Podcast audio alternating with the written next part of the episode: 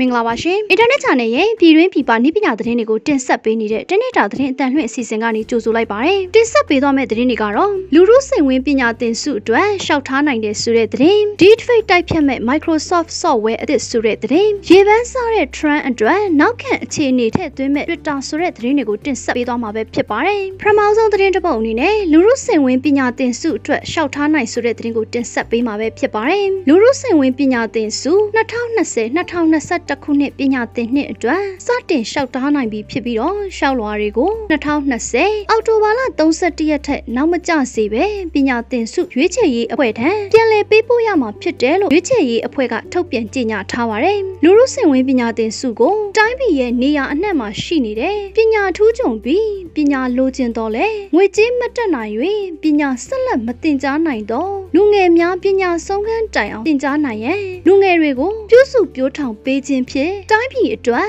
လိုအပ်လျက်ရှိသောကဏ္ဍအသီးသီးကိုဖြည့်ဆည်းကတိုင်းပြည်ရဲ့အနာဂတ်ကိုတစ်ဖက်တစ်လမ်းမှထုစစ်ပေးနိုင်ရတဲ့ကဏ္ဍအသီးသီးမှတိုင်းပြည်အတွက်လူထုအတွက်အမှန်တရားအတွက်စွမ်းစမ်းတမန်ဆောင်ရွက်နိုင်မဲ့သူများပေါ်ပေါက်လာစေရန်စတဲ့ရည်ရွယ်ချက်၃ရက်နဲ့ပညာသင်စုပေးနေတာဖြစ်ကြောင်းသိရပါတယ်။အဆိုပါပညာသင်စုကိုရယူလိုပါက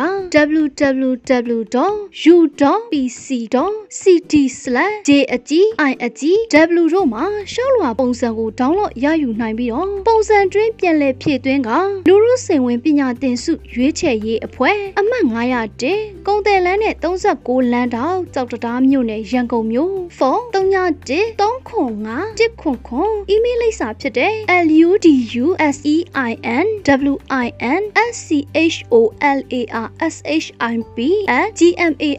luduseinwlarsship@gmail.com တို့2020ပြည့်နှစ်အောက်တိုဘာလ31ရက်ထက်နောက်မကျစေပဲပြန်လည်ပေးပို့ရမယ်လို့ထုတ်ပြန်ချက်မှာပါဝင်ပါတယ်။ဆက်လက်ပြီး Deepfake တိုက်ဖြတ်မဲ့ Microsoft software အသစ်ဆိုတဲ့သတင်းကိုတင်ဆက်ပေးမှာပဲဖြစ်ပါတယ်။ Microsoft ဟာ Deepfake နည်းပညာကိုတိုက်ဖြတ်မဲ့ကွန်ပျူတာ program နှစ်ခုကိုပြသခဲ့ပါတယ်။ Deepfake ဆိုတာဗီဒီယိုထဲမှာအခြားလူတစ်ယောက်ရဲ့မျက်နှာကိုထည့်သွင်းတဲ့နည်းပညာဖြစ်ပါတယ်။အဲ့ဒီနည်းပညာကခြေရာခံဖို့ခက်ခဲပြီးတော့ဗီဒီယိုအစ်စ်လားအတုလားဆိုတာခွဲခြားရခက်ပါတယ်။ content ဖန်တီးသူတွေက Microsoft စီဗီဒီယိုတွေရဲ့ hash fingerprint ကိုပေးပို့တဲ့အခါမီဒီယာအတွင်း deepfake သုံးမသုံးဖော်ပြပေးနိုင်ပါတယ်။တရင်အချက်လက်အမှားတွေကပုံသဏ္ဍာန်မျိုးစုံနဲ့လာပါတယ်။နည်းပညာတစ်ခုတည်းကပဲမှန်မှန်မှန်ဆုံးဖြတ်တယ်ဆိုတာစိန်ခေါ်မှုတစ်ခုဖြစ်တယ်လို့ corporate ဒုဥက္ကဋ္ဌကပြောခဲ့ပါတယ်။ Microsoft ဟာ deepfake ကိုခြေရာခံဖို့လူတွေကိုစိန်ခေါ်တဲ့အနေနဲ့ sportdeepfake.org online game တစ်မျိုးကိုလည်းဖန်တီးထားပါတယ်။နောက်ဆုံးသတင်းတစ်ပုဒ်အနေနဲ့ရေပန်းစားတဲ့ trend အတွက်နောက်ခံအခြေအနေထည့်သွင်းမဲ့ Twitter ဆိုတဲ့သတင်းကိုတင်ဆက်ပေးသွားမှာပဲဖြစ်ပါတယ်။ Twitter အနေနဲ့ဝန်ဆောင်မှုပေါ်ကရေပန်းစားခေါင်းစဉ်တွေမှာ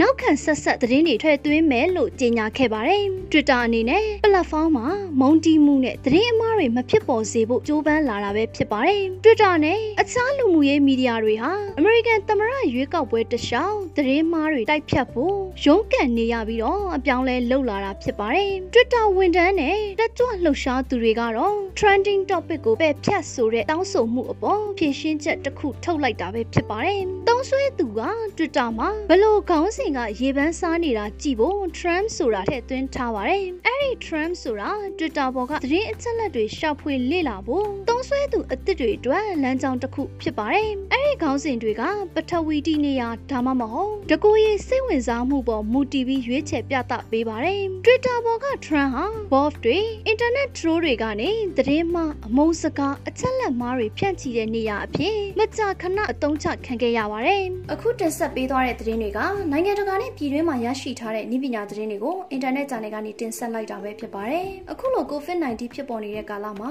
ပြည်သက်တွေအနေနဲ့လည်းကျန်းမာရေးနဲ့အာကစားဝန်ကြီးဌာနရဲ့လမ်းညွှန်မှုတွေနဲ့အညီလိုက်နာဆောင်ရွက်ခါနေထိုင်သွားလာဖို့တိုက်တွန်းလိုက်ပါတယ်။ကျွန်မကတော့ဝေမြင့်မှုပါ။